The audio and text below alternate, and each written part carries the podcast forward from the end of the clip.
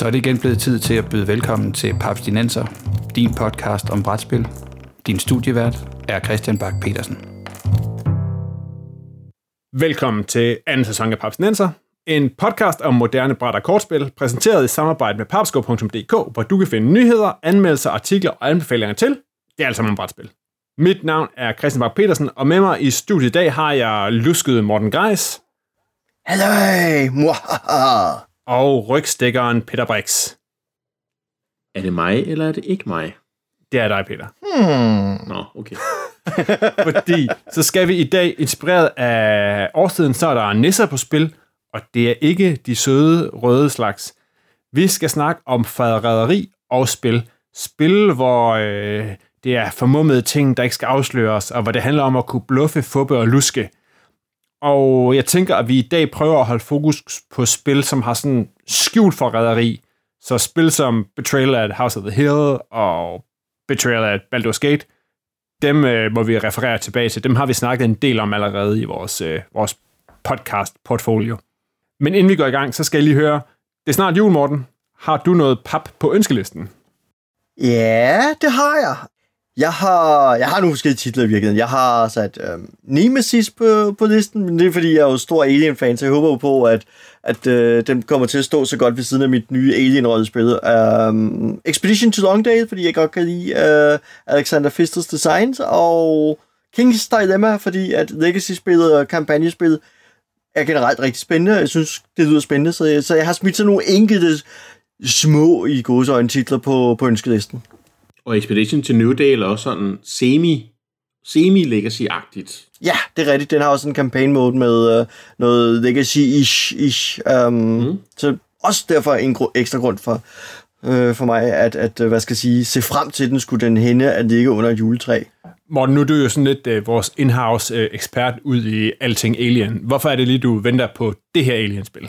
Og det, um, jeg synes, det ser fint ud. Uh, altså, hvad skal jeg sige, nu har jeg Øh, jeg kan godt kunne lide andre spil fra det forlag her. Det er jo også dem, der har lavet, øh, hvad nu hedder, This War of Mine, og, og de, dem, der også laver, hvad nu hedder, Tainted Grail, Fall of Avalon. De, de er ret gode til at lave, hvad skal jeg sige, øh, visuelt flotte spil med, med forskellige former for sådan narrativ øh, struktur i, altså hvad skal jeg sige, prøve at få bygget en større grad af støj op, og der er noget, øh, et forsøg på at lave en, en, hvad skal jeg sige, en klon af Alien, uden at man har Alien-licensen. Så det er selvfølgelig noget med nogle rumvæsener og et rumskib og nogle folk, der skal samarbejde for at overleve. Så det er en form for samarbejdsspil, men det er lig, ligesom i, hvad det hedder, Dead of Winter, at det er sådan en anstrengt form for samarbejde, for man kan ikke helt stole på hinanden. Folk kan jo forskellige agendaer undervejs, de sådan også skal opnå ved siden af. Så det, jeg håber meget på, at det kan give sådan en, en god Alien-vibe, eller sådan øh, Aliens fornemmelse. Um, så det er derfor, jeg har sådan har smidt uh, Nemesis på listen der, og ja, synes, det ser spændende ud. Det spiller også meget godt ind i dagens tema, kan man så sige. Ja. Netop øh, med den der lidt, lidt stramme samarbejde. det er måske ikke, man er ikke helt så dedikeret som nogle andre. Mm. Peter, har du øh, noget pap øh, på ønskelisten, selvom du er i, i branchen? ja, men jeg, jeg har selvfølgelig også noget pap på ønskelisten. Øhm, jeg er blevet øh, helt vildt forelsket i, øh, vi tager den tyske titel, de Quacksalber von Quedlinburg. Det er, Som jeg måske lige har været et år for længe om at komme i gang med at spille. Men, øh, men det er så fint. Mm. det er et helt ekstremt godt ja. spil. Øh, og øh, der er jo kommet en udvidelse i år. Okay, så du skal kvaksalve den yderligere. Så jeg skal, jeg skal kvaksalve den med nogle øh, krydderhekse.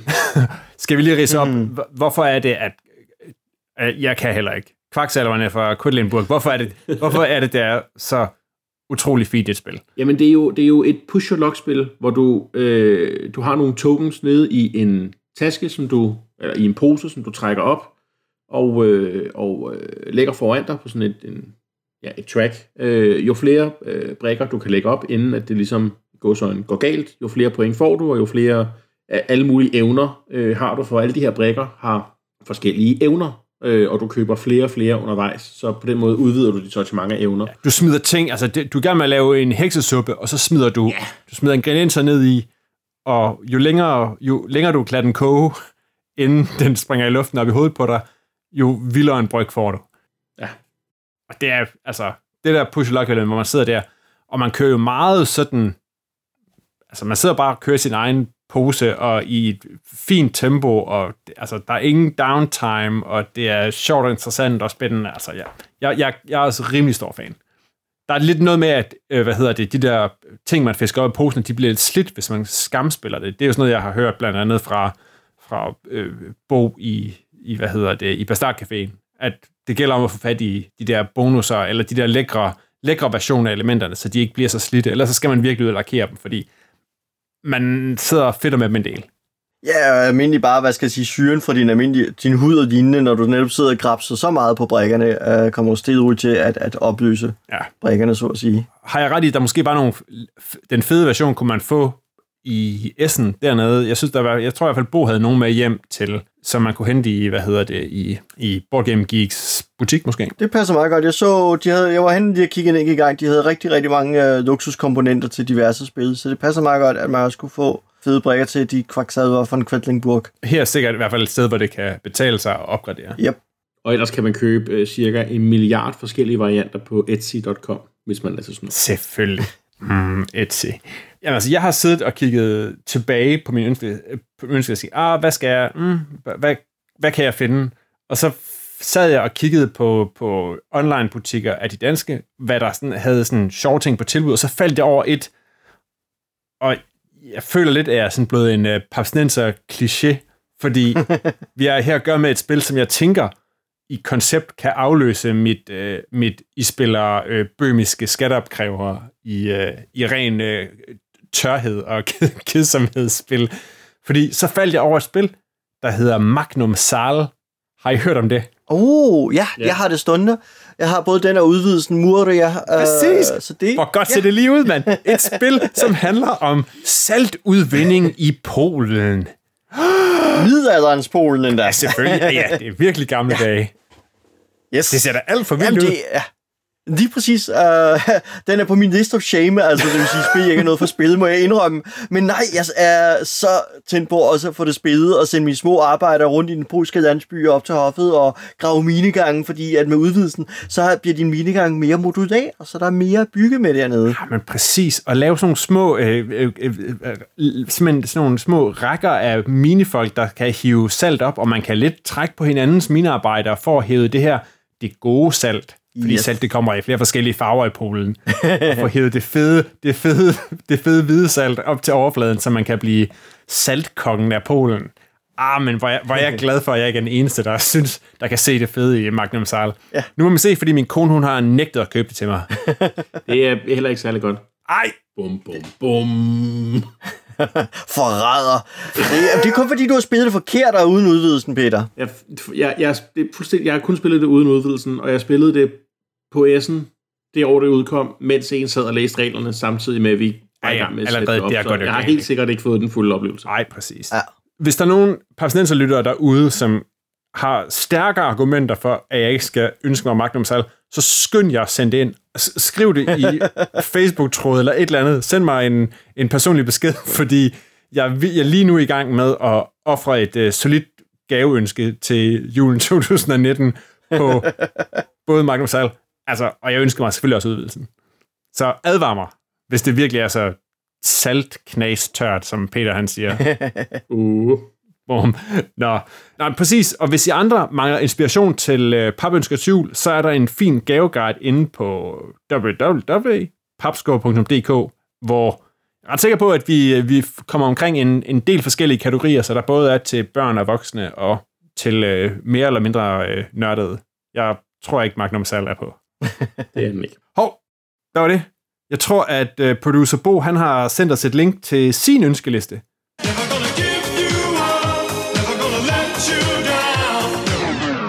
Ja, okay. Mega sjovt, forræder producer Bo. Men det er jo så meget i den her episodes ånd, fordi kan I to, Morten og Peter, kan I huske, hvad de første spil med forræderi, altså brætspil, hvor I oplevede forræderi? Fordi jeg tænkte jo tilbage og tænkte, ah, forræderi, brætspil, det er sådan lidt en nyere ting, men jeg har spillet Diplomacy, jeg har spillet Junta, begge to, mens jeg var teenager. Be- begge to spil, hvor man har markante grader af forræderi, men det er ikke sådan helt så skjult og hemmeligt på den måde. Altså, der er det bare sådan en del af, af gameplayet, at på et eller andet så bliver alliancer brudt, og så pludselig så, øh, så, har man, øh, så har man en kniv i ryggen, eller mistet alle sine re- lande eller ressourcer. Peter, hvad, hvad tænker du, hvornår kan du første gang, du husker, du har siddet og spillet sådan et forræderispil? Altså, jeg, jeg, jeg tror, med, med tryk på tror, mit første Hidden Trader-spil, det har enten været Saboteur, som jeg virkelig ikke synes er særlig godt, mm. eller øh, Battlestar Galactica, som øh, nok er på top 5 af mine favoritspil overhovedet nogensinde i hele verden. Okay, jamen skal vi så ikke starte med Saboteur, som du ikke elsker, som er, jeg har også spillet det, dværge nede i en mine, Ja, hvor man enten spiller nogle luskede onde dværge, eller nogle gode rare dværge, der gerne vil forbinde de her minegang på rigtig façon. Er det ikke pretty much it? Og så gælder at samle noget guld. Jo, altså man graver guldgang øh, ned, man graver sig ned til guld ved at lægge sin kort ned, som ligesom bliver til minegangen.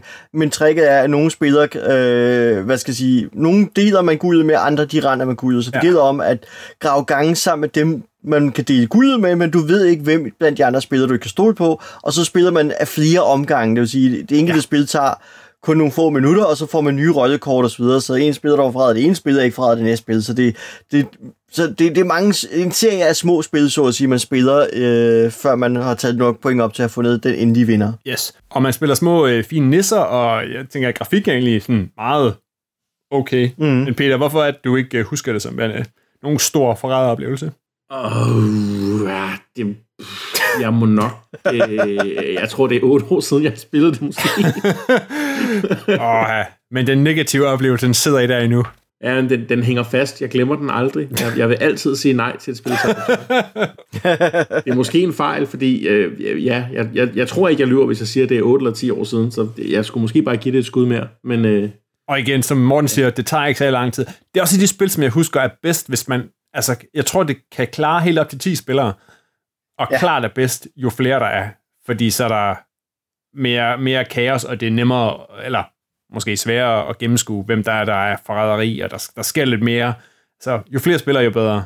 Ja, og det har endda så sent som i år jo fået en efterfølger, uh, Saboteur The Lost Minds, hvis nok, uh, Nå. som er sådan et større brætspil, hvor man har en plade, man går ud på og bevæger sig rundt og gør ting ved. Så, så Saboteur som koncept lever videre den dag i dag, um, selvom det er jo helt tilbage fra, hvis jeg husker ret omkring 2004, um, så det er jo i, i brætspilsår jo et gammelt spil.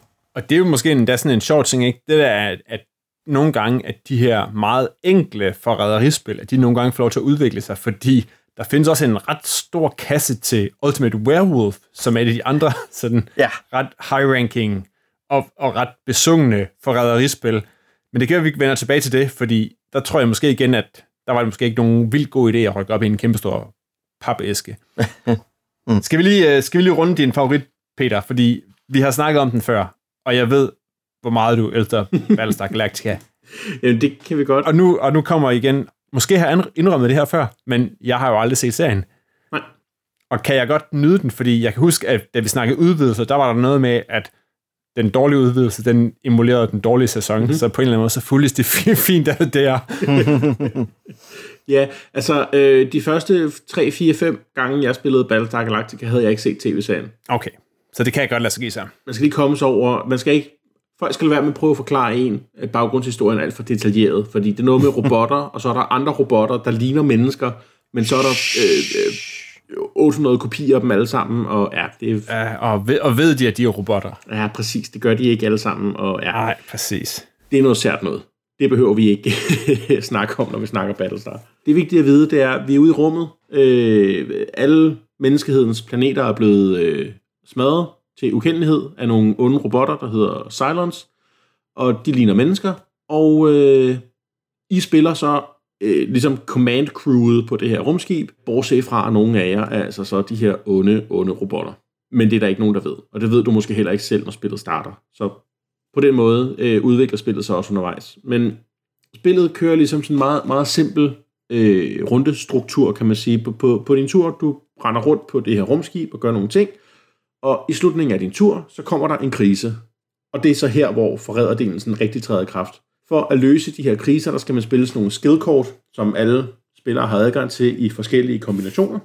Det kan for eksempel være, at øh, motoren er gået i stykker på vores rumskib, og nej, vi skal bruge en hel masse røde engineering kort. Og så sidder alle spillere og spiller ind i en pulje, Og det er så kun nogle bestemte kort, der virker. Så for eksempel, når motoren ikke er i stykker, så er det kun de røde kort, der virker. Så alle kort, der bliver spillet ind i en anden farve, som man måske kunne finde på at gøre, hvis man var en ond forræder, tæller imod. Ja. Og de tæller imod. Det er ikke engang, de tæller ikke engang bare ingenting.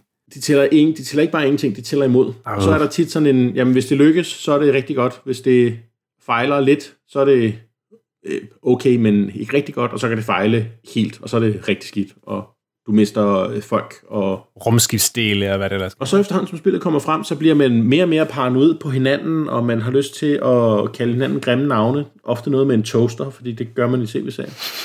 Og øh, så på et eller andet tidspunkt, så smider vi, øh, så stemmer Christian og jeg om det, og så smider vi Morten ud af, af luftslusen på vores rumskib, og så viser det sig, at Morten han slet ikke var, var en ond robot alligevel, og så er der kun Christian og mig tilbage, og så kan vi sidde og stige på hinanden. Og så tænker man, hvem er os var det, der begyndte at agitere kraftigt for, at Morten skulle ud af den her luftsluse? Er det måske fordi, og så videre, og så fremdeles. Ja. Klassisk paranoia og klassisk hidden trader. Det er smukt. Hvad siger du, Morten? Hvor meget, øh, meget øh, Battlestar Galactica har du spillet, og hvor meget har du set? Jeg har set øhm, det hele, men jeg har ikke spillet det overhovedet. Okay. Jeg har spillet forgængeren til det. Øhm, så, så det, det, ja. Så, så ingen Battlestar Galactica brætspil til mig. Og nu er det jo udgået nu, hvor så... Men jeg tænker, at du fornemmer lidt viben fra det, som Peter siger. Ja. Fordi det gør jeg i hvert fald helt sikkert med nogle af dem, jeg har spillet. Jo, jo. Og hvad, hvad tænker du, når du tænker øh, sådan forræderi, hidden trader-spil i den her kategori? Hvad, hvor du så, hvad er dit go-to, eller hvad er din, dine erfaringer med? Godt spørgsmål. Øhm, fordi lige da du bragte emnet på banen første gang, så tænkte jeg, hmm, forræderi, jamen det er jo sådan noget, alle har prøvet, når de har spillet risk, fordi alle har prøvet at indgå en alliance med en anden spiller, og så bryder man den eller den anden spiller, bryder den på det rigtige tidspunkt, men så gik det op for mig, at det er selvfølgelig mere den her hidden trader-funktion, hvor der er en hemmelig rolle, øh, iblandt, hvor en hemmelig spiller blandt os for, øh, forråder os.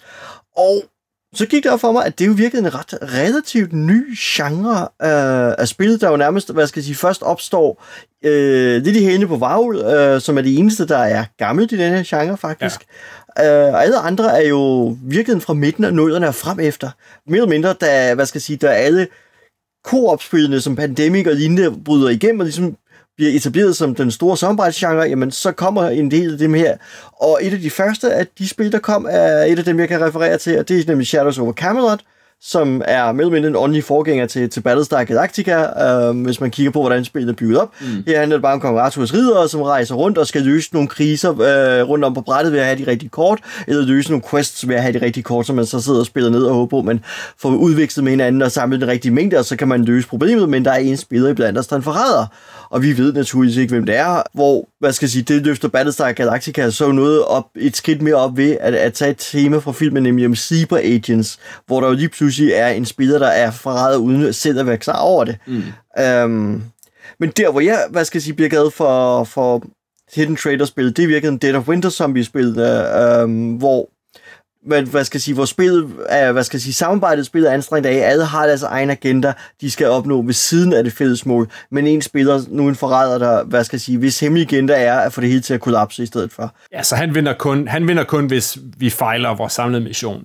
Vi andre, vi kan godt lykkes på, Ja, lige præcis. vi, hvis vi klarer den sammen, og vi får løst vores personlige mål. Men hans er det egentlig bare, at det hele skal brænde.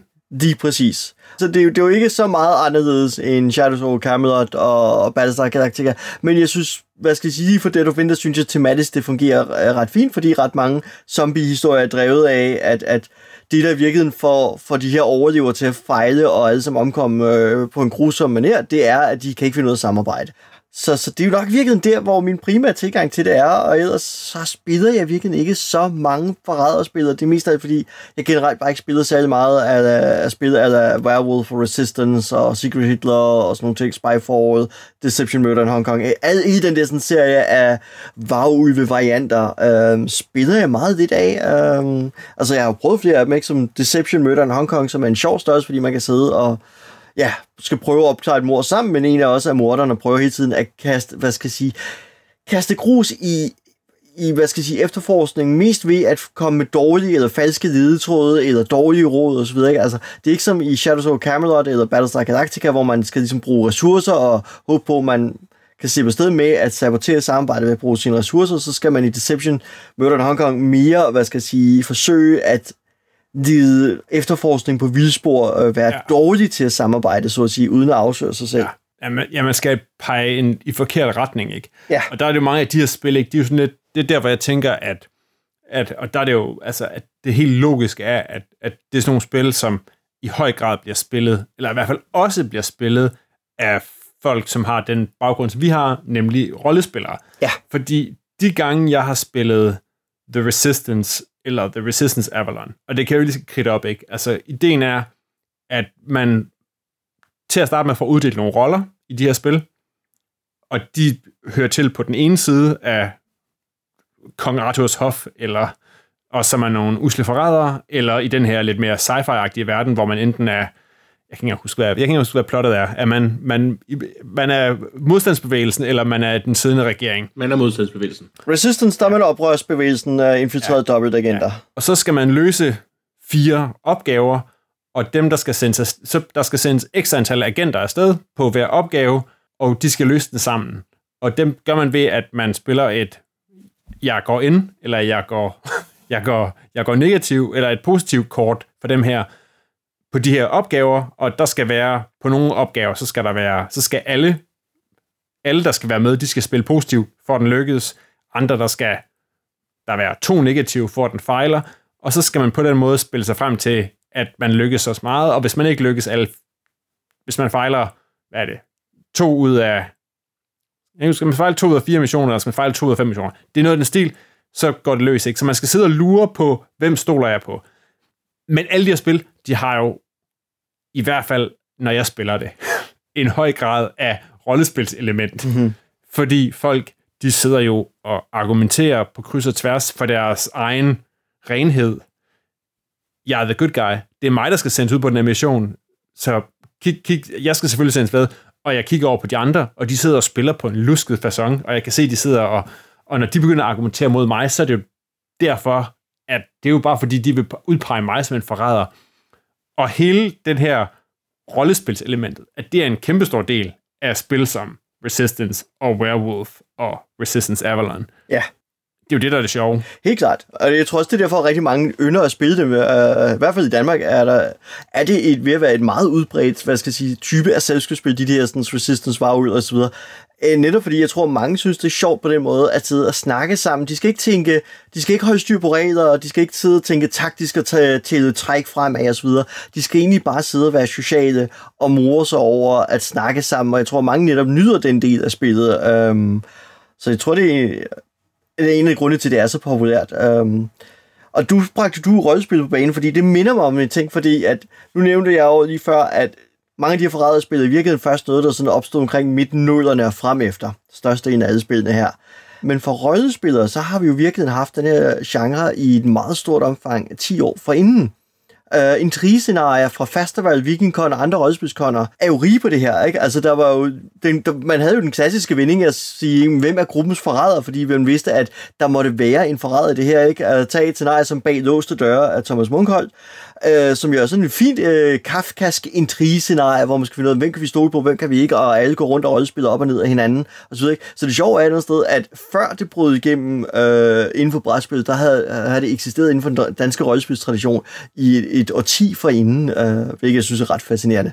Og for de nysgerrige, så kan man downloade det her på alexandria.dk Ja. som pdf. Jamen, der er virkelig mange gode ting, og det er rigtigt, at der var jo en lang periode, ikke, hvor man, man gik ind, og så var der, der var seks spillere, og man vidste, at en eller anden Yes. skulle, ville på et eller andet tidspunkt sige, "Muahahaha, det var mig, der ødelagde atommotoren på ubåden, eller øh, skød dragen ned, eller et eller andet, ikke? Yes, At det var- yes, yes, yes. I lang tid, sådan virkelig, altså, det var go-to-tingen. Ja. Og man, og man altid, det var altid lidt ekstra fedt, hvis man fik forræderen, fordi så kunne man sidde og knække og holde øje. Yes.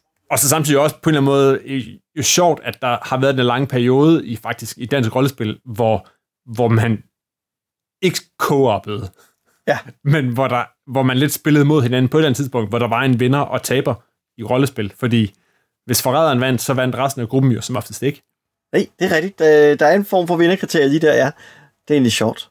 Men ellers, altså Shadows of Camelot var også helt sikkert det sted, hvor jeg første gang oplevede den der forrædermekanik, som bare var, wow, der sidder en eller anden ved det her bord, og vi andre prøver at spille sammen, ligesom vi plejer i Pandemic, men der sidder en og i hemmelighed prøver at, at stikke, stikke et, øh, et, en kæppe hjulet på vores spil. Men det er også sjovt, ikke? når netop der kommer hele det her rollespilselement, ikke? det er jo min oplevelse, det er, at nogle gange så kan det også være farligt at være den, der, når man sidder og spiller et social-spil på den måde, nogle gange, så er styrken faktisk bare at tige stille. Mm. Mm. Fordi jo mere, jo mere man dedikerer sig, og jo mere, med mere drive man går ind i sin, nu begynder vi at snakke, og nu vil jeg argumentere for, hvorfor jeg i hvert fald ikke er forræderen, og jeg skal sendes med på den næste mission, jo mere peger forræderpilen ind på en. Og måske endda i højere grad, hvis man spiller sammen med folk, der ikke er så klassisk rollespilsuddannede, eller har spillet det mange gange, altså så bliver man virkelig skeptisk. Snart der er nogen, der åbner munden og siger, begynder at pege fingre, så er det dem, der er forræderen. Mm. Som, som en, der har introduceret spillet til rigtig mange folk, der ellers ikke spiller så mange, hverken rolle eller brætspil. Det er virkelig, så snart du åbner munden, så er du ham, der er den Så er det ham, der er. Fuldstændig. Og, og du kan komme med alle argumenterne for, hvorfor du ikke er det. det så du graver bare dit eget hul dybere i alle de andres øjne. Ja. Ja, fordi at, hvad skal jeg sige, kun den, der, hvad skal jeg sige, er falsk, har grund til at snakke for at mm. alle andre, hvis du ja, vi kan godt se logikken for folk ikke at sige, jamen, der er ingen grund til at, hvad skal jeg sige, hvis du ikke er forræder, har du ingen grund til at snakke, eller, fordi det eneste formål med at snakke er jo i virkeligheden at applicere skylden et sted, og når, når du er forræderen, så har du brug for at applicere skylden et andet sted end dig. Ja, lige præcis. Så, så jeg kan godt se logikken i, at, at folk bliver drevet til at tænke, jamen så den, der snakker, må være den skyldige, fordi hvem ellers har interesse i at begynde at sidde og snakke? Ja. Hvilket bringer mig til et, et, et, et, et andet uh, Hidden Trader-spil. Ja. Mm. Uh, jeg kommer i tanke om, nemlig When I Dream. Ej, det er sjovt, du lige nævner det, fordi det er der lige nogle af mine venner, der har siddet og revet sig i håret om, fordi det er da en spøj størrelse.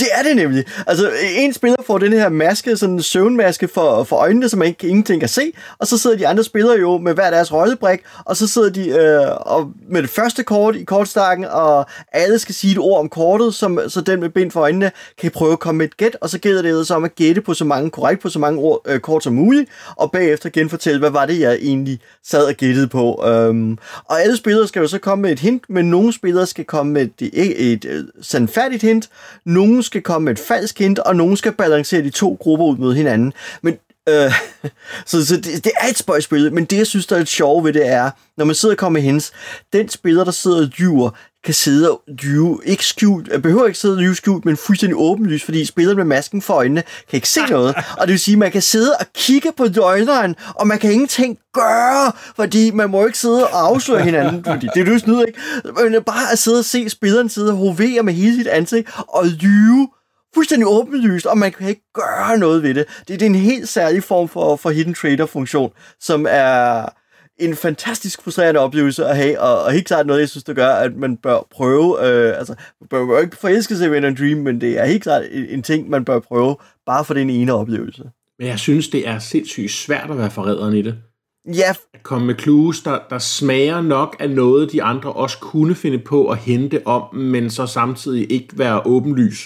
ja, Øh, fordi hvis, hvis, hvis ordet, vi skal gætte er bondegård, og du har sagt ko, og Christian siger øh, lade, og jeg så siger bukser, så er det ret tydeligt, hvem der ligesom stikker ud. ja. Uh, helt klart. Heldigvis så roterer man jo relativt hurtigt roller igen, så hvis man først er blevet outet, så, så er der ikke lang tid til, at det næste spiller, man roterer roller igen.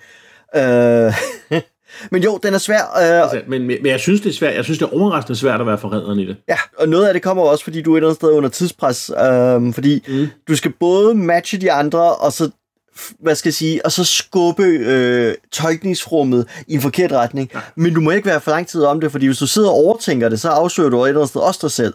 Uh, så du er også nødt til at, at hvad skal jeg sige, være relativt chip. Og det, og det er i virkeligheden her, hvor jeg synes, øh, øh, øh, den der jester-rolle, den som der gerne vil have balance i, hvorvidt der bliver gættet rigtigt eller forkert, er langt den mest interessante som spiller at sidde med. Mm. Fordi du får lov til at, at flipfloppe så meget, som man nogle gange gør. Det, det, det brækker mig i virkeligheden bare over min tanke over på, øh, hvad er det, Spyfall, som jo også har en realtids, eller realtids element, mm. hvor man jo har, hvad er det, 8 minutter? Det var lige det, var lige det samme, jeg skulle til at sige. Ah, Det lyder lidt spyhole ja, og det, det har i hvert fald noget af det der med tidsstresset igen, med at, at du skal sidde og, og lyve på tid. Ja, og plus at du som forræder, altså fordi i, i Spyfall, der sidder man og ja, hvad skal vi, skal vi kridte op, ikke? At sige, man, man sidder og, øh, det er sådan et, det er meget, måske et af de klart mest tilgængelige, ikke? Fordi man sidder og, og, og skal, man sidder med en location, og man sidder med nogle karakterer, som kender en location, og så sidder man med en enkelt spion, som ikke hører til. Og så må man stille spørgsmål ud til de her folk, der er her, omkring den her location, og så skal spionen, han skal prøve at passe ind, og ikke, mm. ikke svare noget, der falder udenfor, om han så befinder sig på casinoet, eller rumstationen, eller øh, den øde ø. Så det gælder om at gøre sine svar så vage som muligt. Men, men samtidig gør sine spørgsmål på en måde, så at det ikke er tydeligt, at du er på rumstationen. Ja, præcis. Ja, altså, ja og spion, altså, spionen foreslår sig til et spørgsmål, så han må heller ikke stille spørgsmål, der er for åbenlyst, at han ingen anelse om har, hvor han er. Mm. Nej, men også dem, der stiller, de, hvad skal jeg sige, de, de loyale spillere skal jo også passe på, fordi hvis jeg med et, mit spørgsmål bliver for åbenlys i at fiske efter, hvor Ja. du er henne, så ved du, og så vinder du, fordi så regner du ud, aha, I er på rumstationen. Nemlig. Så vi sidder jo alle sammen og vage. Ja, fordi spionen skal skyde sig ind på, hvor man er, og spion, de andre skal finde ud af, hvem er spionen, Ja. ud fra hans, hans, han ved tydeligvis ikke, han er på rumstationen, eller han er på jagten, eller han er i casinoet. Mm. Og jo et sæt super let tilgængeligt. Altså, jeg tænker, at det er sådan sammen med Codenames, ikke? der var det jo en periode, i hvert fald for et, bare for et par år siden, ikke? hvor det var helt sikkert go-to partyspillene, hvis man var en gruppe på, på ja, over fem, ikke? Ja, og også uh, apropos Spy Forward, uh, hvis man gerne vil slippe ud om t- realtiden, så kan man jo gå efter sådan et som A Fake Artist Goes to New York. Nå, som er det, Det lige... siger mig ikke noget. Nej, okay, spøjs dig. Det er et af de her japanske spil så det, fra Oink Games, så det kommer i en lille, meget lille, kompakt æske. Øh, og ideen er, at man får valgt et emne, øh, et eller andet, vi alle sammen skal tegne, for eksempel en, en hund. Øh, og så skifter vi sammen til at sætte en streg, og på den måde stille roligt tegne hunden. En spiller ved så ikke, hvad det er, vi tegner, og vi skal så regne ud, hvem ved ikke, hvad det er, vi tegner, og spillere skal regne ud, hvad er det, vi sidder og tegner. Og det er sjovt. Meget fint. Ja. Altså, altså at man, hvis man nogensinde har set noget, jeg har tegnet, så vil man sige, jeg, jeg, jeg vil virkelig, jeg vil være en dark horse i det her spil. det, det, er jo, det er jo det, alle siger, ikke? Det er jo det, der er det sjove ved det, ikke? Uh, alle siger, at jeg kan ikke finde noget at tegne. Men, du, men du tegner også kun én streg ad gangen. Jamen, det er rigtigt. Ah, det er meget sjovt. Det, okay, det må vi få prøvet. Er der ellers nogle favoritter, vi skal have ind? Vi har nu vi har jo rundet Deception Murder in Hong Kong. Morten, kan du lige kridte hårdt om det? Fordi det er, også, det er sådan en af dem, jeg har lidt holdt øje med. Ja. Der har vi at gøre med, at der er en, der er morderen. Basalt set er det Mysterium med Hidden Trader. Ah, okay. Og ligesom Obscur jo. Uh, ja, ligesom Obscurio, som, uh, som lige er udkommet i år, ja. Så, så kort fortalt, altså i Mysterium, uh, hvis vi starter der, fordi der er uden trader, der er en spiller, det er et spøgelse, der er hjemsøgt hus, og uh, de andre spillere kommer til huset for at finde ud af, hvem myrdede hvorhen med hvilke morvåben, og spøgelset kommunikerer via store smukke billedkort, nemlig kortene, der er formet mere eller mindre af kortene fra Dixit. Um, så, så, så hvad skal jeg sige, så Mysterium er øh, et ud af Cluedo med Dixit, og så øh, øhm, og i Mysterium, som sagt, der skal man så regne ud, hvordan er hvorledes, man gætter sig frem, stille og roligt, indhenter ledetråde fra de her drømmebilleder, indtil man har gættet rigtigt, osv. Øh, forhåbentlig gættet rigtigt, øh, inden spillets tid udløber. Og så er det i Deception Murder in Hong Kong, der er det ikke et spøgelse, der er en retsmediciner, der kommer med ledetråde til de her efterforskere, som så skal regne ud, jamen, hvem gjorde det så ud fra de her ledetråde her. Men nu er problemet, at en af spillerne er morderen, så vi skal virkelig sidde og regne ud, hvem i blandt os er det, som øh, retsmedicineren sidder og kommer med ledetråde til. Og man har så sin liste af, hvad for nogle type ledetråde man vil må komme med, og så skal man sådan, hvad skal jeg sige, time lidt, hvad skal jeg sige, hvornår man giver nye ledetråd ud til gruppen og siger, okay, nu tror jeg, vi rykker videre til den næste ledetråd for mig af, og så giver jeg det næste, og, og så håber jeg på, at I nu kan regne ud, hvem er det i blandt jer, som i virkeligheden er morderen, og sådan nogle ting. Så, så det er en mysterium med, med Hidden Trader. Okay. Yep. Fedt. Og så ikke store smukke billedkort, desværre. Nej. Men tematisk relevante øh, billedkort. Cool. Altså, jeg synes, der lyder som, der er basis til forræderi på øh, utrolig mange forskellige måder, og øh, i forskellige længder af spil. Og, ja, og hvis folk virkelig gerne vil det, så kan de altid bare gå tilbage og ja, blive forrådt i Risk, eller Junta, eller Diplomacy, eller alle de andre spil, hvor man kan røve, røve sine venner. Cosmic Encounter! Præcis, præcis. Og, så okay. Nå, lad os sige, at June! åh, der er lige kommet et Dune. Ja, der er lige kommet en ny June. Det er så flot. Det er så flot. Det kommer vi til at snakke om på et andet tidspunkt. Yes! Cool. Men lad os med det sige, at vi er nået til slutningen af denne episode af Forræder Papsnenser. Find links til spillene, vi har nævnt, og tidligere episoder på www.papsnenser.dk eller papskubber.dk podcast. Husk, at du kan støtte Papsnenser på tier.dk med en skilling per episode. Hver en krone bliver brugt til at forbedre denne podcast og sprede budskabet om vores fantastiske hobby. Du kan finde Popsnenser på iTunes og Spotify og Podimo, og hvor du ellers henter din podcast, og vi er glade for stjerner og ratings. Med mig i studiet i dag var Morten Greis og Peter Brix. Popsnenser er produceret af Bo Jørgensen og Christian Bækman. Ikke forrædere. Mit navn er Christian Mark Petersen, og på vegne af Popsnenser... Christian? Hvad? Christian, må, må jeg, jeg, jeg har lige glemt en ting. Hvad skal du sige, Peter? Øhm, alle vores lyttere, hvis I spiller med i Whamageddon, så skal I stoppe lige nu, fordi Christian har tænkt sig at spille Wham, Ej, når afsnittet er færdigt. Ej, Peter. Stop, stop, stop lige nu. Stop lige nu. Peter, du er sådan en forræder. Du er sådan en dobbelt forræder. Ja. Yeah. Ja. Yeah. Okay. Nå, men nu er I, nu er I advaret. Last Christmas, I gave you my heart.